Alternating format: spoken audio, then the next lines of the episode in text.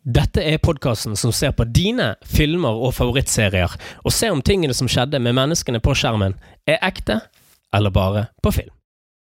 Jeg har alltid vært uh, veldig fascinert av uh, krigsfilmer uh, og serier, og i dag så skal jeg for meg en av de største suksessene som HBO har hatt om min favorittkrig, hvis det går an å si.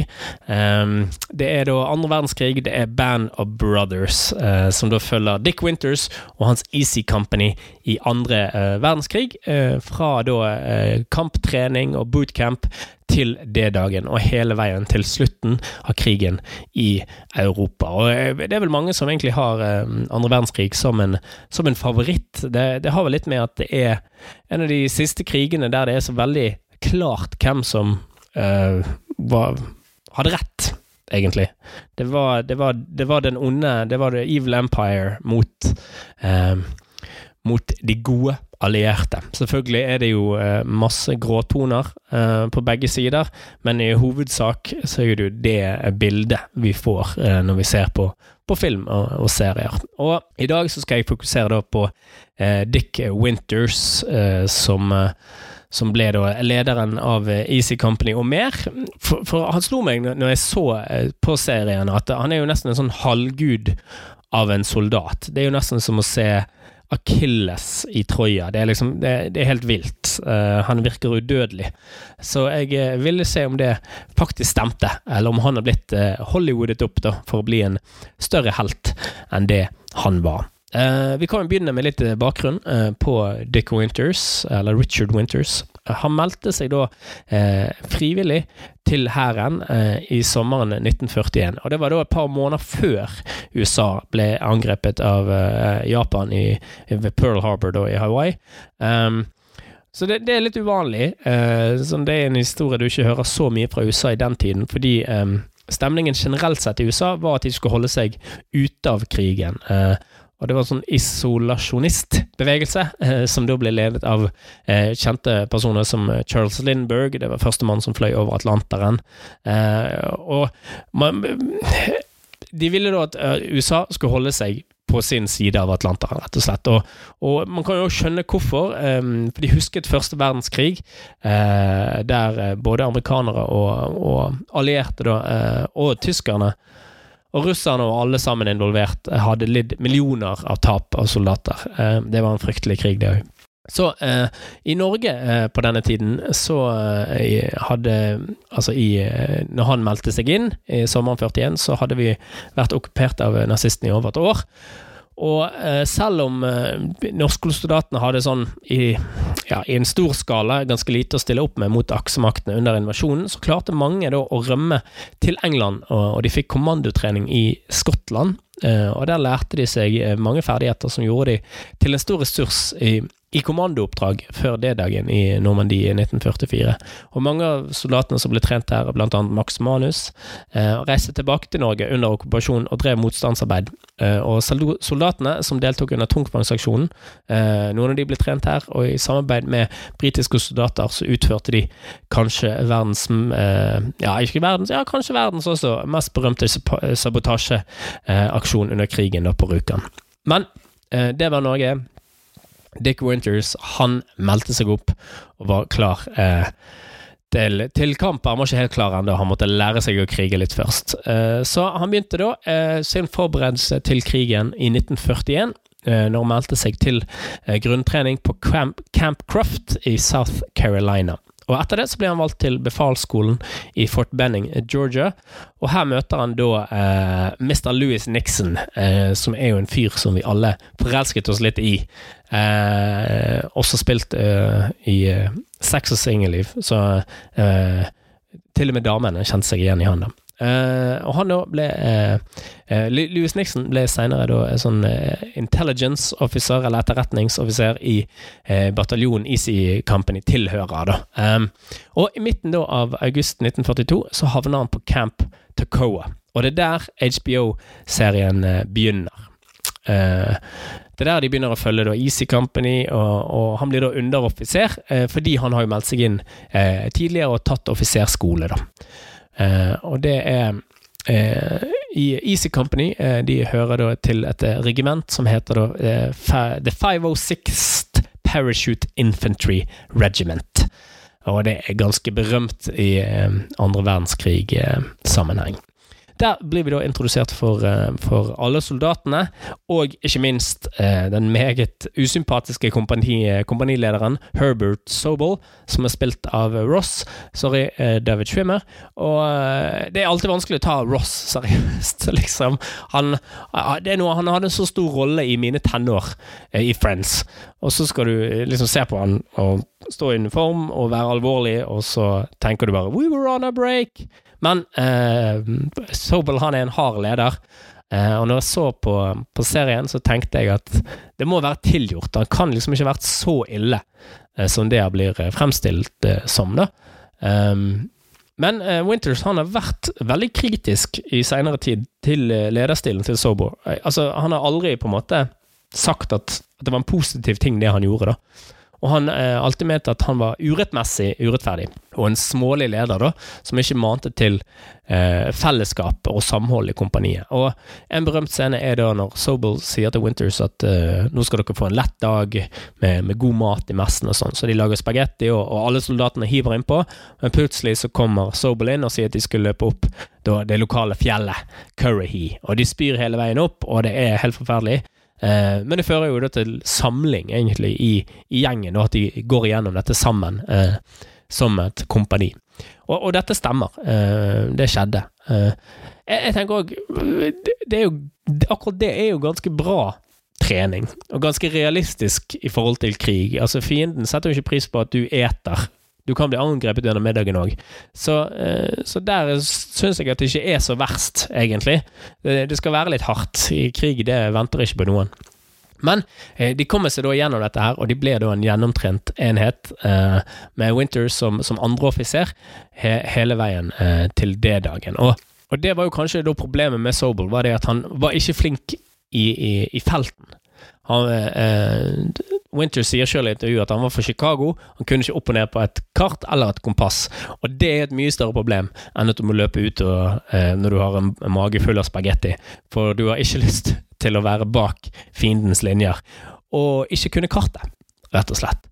Så eh, det fører jo da til at uh, Sobel han blir køddet rett og slett så mye med at uh, de ledende mener det, det, fører til at han, han prøver å få Eh, Winters eh, straffet for noe som han ikke har gjort. Eh, og da sier Winters ok, da tar vi det en krigsrett. Det blir et stort problem. Og da de ledende menige eller non-commissioned officers, som de heter i, på engelsk, de gjør det et opprør og, og, og vil da ikke tjene under Sobel. Og, alt dette her det fører da til slutt at Sobel han blir overført, eh, og de får inn en ny leder da, som heter da eh, løytnant Meehan. Um, så nå er de da uh, klare, da. Uh, de har en uh, ny leder som de stoler mye mer på. og Winters er da andre offiser der. Og de er klar på en av de mest berømte dagene i verdenshistorien. Og nå skal de til Normandie. Så Richard Winters han flyr da til Normandie med resten av invasjonsstyrken natten 6. juni 1944. Og de blir beskutt som barehjuling fra tyske bakkemannskaper. Eh, og flyet han kjører i, kjører da for fort og for lavt for å kunne hoppe ut trygt fra flyet. da. Så eh, de flyger ut, rett og slett, og, eh, og alt utstyret, eh, det blir kastet vekk av han, av, eh, av vindstyrken og eh, alt som skjer. Så det, han, han mista alt utstyret sitt. Det var rundt 50 kilo totalt som de da hadde streppa på disse guttene. da. Eh, så han lander da bak eh, linjene til fienden på D-dagen med kun en kniv. Og Det ser vi i serien, og det stemmer i virkeligheten òg. Hvordan han holdt seg rolig, det får vi jo Eh, aldri vite. Ja, altså jeg eh, som en nervøs eh, type, så eh, er det helt vanvittig for meg. Eh, men han finner da en, en, gjeng soldater litt etter litt, og de samler seg opp eh, for da å ta ut et, til slutt et artillerireir ved en fransk gård som er kalt Breakhore Manor. Og den tar de da ut på eksemplarisk vis.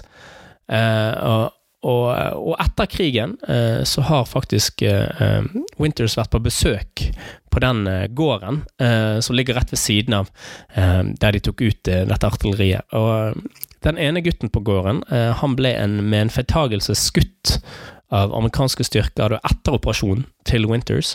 Han overlevde, og han ble borgermester for byen. Han har aldri holdt noe mot amerikanerne. Eh, for han, sier det var en, han forstår at det var en vanskelig dag for soldatene som, som trodde at alle var fiender, nesten, eller iallfall mange. Eh, og det henger fremdeles et bilde av Winters eh, på den gården den dag i dag, så han er høyt respektert.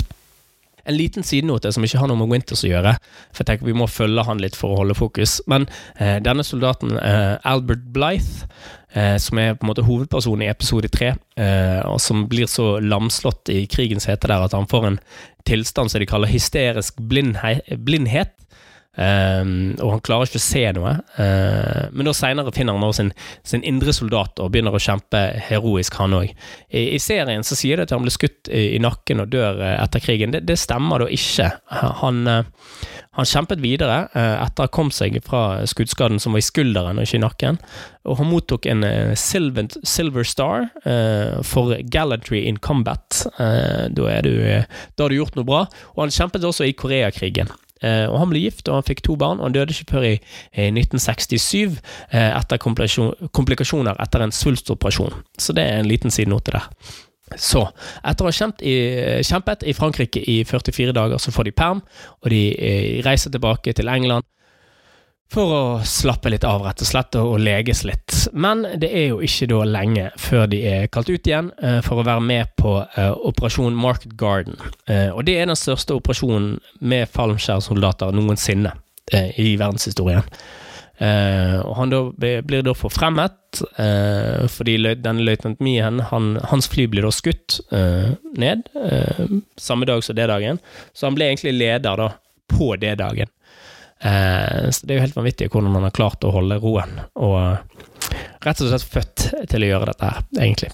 Men da, i, etter Market Garden, så, så, er ikke han bare leder for, for hele Easy Company, da blir han faktisk leder for hele bataljonen. Uh, og han sier da både i serien og sine memoarer at han var ikke videre fornøyd med det. og der opplever de mye action, og det det er en scene da uh, som er spesielt uh, helteaktig, uh, og der de skal da løpe og angripe en tysk styrke. og da signalet for at de andre skal, gå, skal begynne å løpe, det er en røykgranat. Men den går ikke av med en gang, så soldatene venter. Så han løper da alene mot en hel tysk, altså en hel bataljon med tyskere. da. Uh, og Der skyter han en ung uh, soldat, og, og de, de, fanger og skyter en hel haug med SS-soldater. Og Det var de siste skuddene han skjøt i hele krigen, uh, som er jo helt utrolig. og en sann historie. Um, for han var jo da ved fronten kontinuerlig fram til Tyskland kap kapitulerte. da. Så det var etter denne aksjonen da at han ble sjef for hele bataljonen. Så det at han aldri avfyrte det våpenet igjen, er, er egentlig altså Det er en av de mest vanvittige historiene nesten man kan tenke seg, eh, hvis, man, eh, hvis, man, ser på hvordan eh, krigen da gikk mot Tyskland innover når det nærmer seg 1945. For det neste stedet som Easy Company havner, er da Bastogne. Uh, og Det er da kjent som uh, The Battle of the Bulge. For De måtte til fronten igjen etter da Hitler hadde kastet alt han hadde av soldater, og nesten ikke-soldater, det var gamle menn og unge gutter, inn i et desperat forsøk på å snu da momentumet i den allierte invasjonen. Og eh, han slo gjennom et sted der man trodde det var umulig å få eh, store kjørestøy og mannskap igjennom, da, og det var gjennom da Ardennes-skogen. Eh, og Der da eh, blir Winters og Easy Company eh, sendt ut, sammen med de andre kompaniene. Eh, og de har for lite ammunisjon, de har for dårlige vinterklær, de har for lite mat, og resten av Det tredje riket, de som er igjen, er på marsj mot de da. Men han og gutta de holder ut, og, og, i en scene så stopper han nå en tysk soldat som er innenfor deres linje og står og tar seg en tur på toalettet. Og dette skjedde òg. Det er en rimelig sprø situasjon, altså. Eh, men de holder ut til slutt, og til slutt så klarer da både Patten å slå igjennom, og været blir bedre, så de, de får inn eh, forsyninger eh, gjennom flydropp, og det kommer flere soldater igjennom. da. Så Hjemme så blir de da så hyltet, hyllet som, som helter, da, mot uh, aksemakten sitt siste, på en måte, desperate krampetrekk, kan man si. Um, og han skjøt aldri et skudd. Det er ganske vanvittig. Uh, han hadde òg et uh, problem uh, når de endelig skulle angripe tyskerne etter å ha blitt skutt i fillebilder av tysk artilleri. Og det var Den nye sjefen for, for Easy Company var da løytnant Norman Dyke. Og han er portrettert i serien som en, som en feig og, og, ineffektiv leder. Men sannheten er da at mens han var i Bestone, så ble han tildelt en Bronze Star etter han gikk ut og reddet tre eh, skadede soldater i, i, fylt påsyn av tyskerne, og mens de skjøt på han. Så ja, det, han blir også omtalt, eh, eller portrettert, kan man si, eh, som at han totalt mister nervene sine under et angrep på en by som heter Foy, da, som de skal da angripe når de kommer seg ut av, av den skogen. I, realiteten så ble han skutt i skulderen og, og ble trukket tilbake pga. såret. Eh, så den panikkhistorien er kanskje noe overdrevet. Eh, så jeg tror jeg har vært litt forbanna hvis, hvis, min bestefar, som var i andre verdenskrig, eh, ble beskrevet sånn, da. Uh, Winters han setter uansett inn uh, løytnant Spears, som var en uh, hard krigshelt, inn i rollen som sjef for Easy. Så eh, etter Bestown så kjemper de seg videre innover i Tyskland, og til slutt så er de i en by eh, der en av soldatene da oppdager konsentrasjonsleiren eh, Landsberg like utenfor ja, byen Landsberg, egentlig. Winters han beskriver da leiren i sine memoarer som helt forferdelig. Og, og, som det endelige punktet som legitimerte krigen, som, som verdt å kjempe. det er liksom Det er verdt å, å ofre livet, eller iallfall risikere det, eh, for å stoppe disse, disse, handlingene mot menneskeheten, egentlig. da. Eh, kildene er litt usikre, men mest sannsynlig så, så fikk eh, Winters og øvrig befal, sånn som de gjør i filmen, eh, gjennom det at folk fra byen, tyskere, skulle komme inn og rydde opp. da.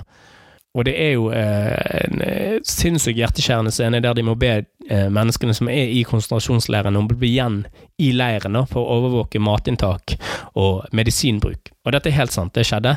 Eh, og det var pga. i andre leirer så døde hundrevis av mennesker etter å ha fått eh, konsentrert mat av de allierte. Sant? Sånn, krigsrasjoner er ofte veldig tett pakka med kalorier for, for å pakke eh, mye, mye, mat i liten form. Da. Og de spiste eh, for mye, og kroppen deres var så skjør at magen ikke taklet all maten, og de døde. Flere hundre døde sånn.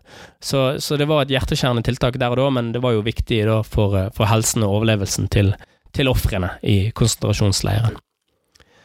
Ja, så det var ikke få ting de var med på. Det er jo nesten oppsummering av hele, de, alle de store tingene som skjedde da med de, de alliertes fremmarsj i, i 44 og 45 i Tyskland. Eh, men de hadde da én eh, stor fjør til å skaffe seg, og det var det at eh, de skulle være de første til å innta nazilandsbyen Børtesgaden og Berghoff, eller Ørneredet. Og Det var da Hitlers feriested i Alpene. Og Det er litt kontrovers rundt om dette stemmer, sånn som de, sånn som de viser i Banner Brothers. fordi det er både en amerikansk og en fransk divisjon som offisielt skulle vært der før der, før de, da.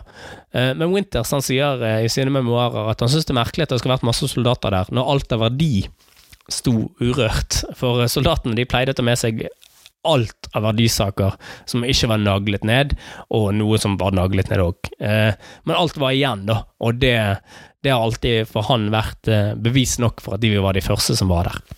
Og Easy de fant eller Easy Company, eh, høres ut som en veteran her. Men de fant da og reidet eh, vinkjelleren til Herman Göring, som eh, var stor, eh, fordi det var en mann som likte sin rus. Og de da inntar òg Ørneredet, eh, og der var det masse småting å plukke med seg, kan man si. Eh, og jeg, jeg, velger å tro på Winters her. De var de første som tok det. Er ikke dere enig? Jeg syns det Den skal de få. Og så var jo krigen slutt, og eh, Winters eh, sier da i serien at eh, han begynte å, å, trene soldater til eh, Korea, og etter det så begynte han å jobbe da med sin eh, venn. Eh, Louis Nixon. Og Han jobbet da helt der til han pensjonerte seg, og han døde da i 2011. Så han levde lenge etter, etter både det dagen og når krigen var ferdig, til tross for at han virkelig var en heltemodig soldat, altså. Og 6. juni 2012, eh, samme dag som det dagen, da 40, i 44, så, så, ble det avdekket en, en statue av Winters i Normandie. Han insisterte på at ikke navnet hans skulle stå der, men det er da hans eh, bilde de har, eh, de har, tatt. Så hvis du reiser til Normandie, så kan du se en statue av eh, Richard Winters som da stormer fram på det dagen. Så han er, han er foreviget der, rett og slett, eh, for, for, sin tjeneste for de allierte. Så til slutt skal vi se på sannferdigheten. Det er jo noen artistiske eh, tolkninger her. Noen har gitt, blitt gjort litt til feiginger og litt til litt sånn bad guys. og noen har blitt eh, portrettert litt annerledes enn det de kanskje var. Eh, sånn som Sobel, for eksempel. Det er mange av soldatene som, som har takket han i ettertid. Mange av soldatene som var i Easy Company, som har takket han for de Eh, eh, Sobel eh, på Tokoa gjorde de til de hardføre soldatene de var, og gjorde de forberedt til det dagen. Men, men de store krigshandlingene, de, de er sannferdige, og, og, det bør de også være. Dette er jo materiale som, som bør behandles med respekt. Eh, så denne får en sannhetsgrad på ni av ti, eh, og det er jaggu ikke verst. Og så er det i tillegg en av de beste seriene noensinne. Så hvis du ikke har sett Band of Brothers, den bør du se.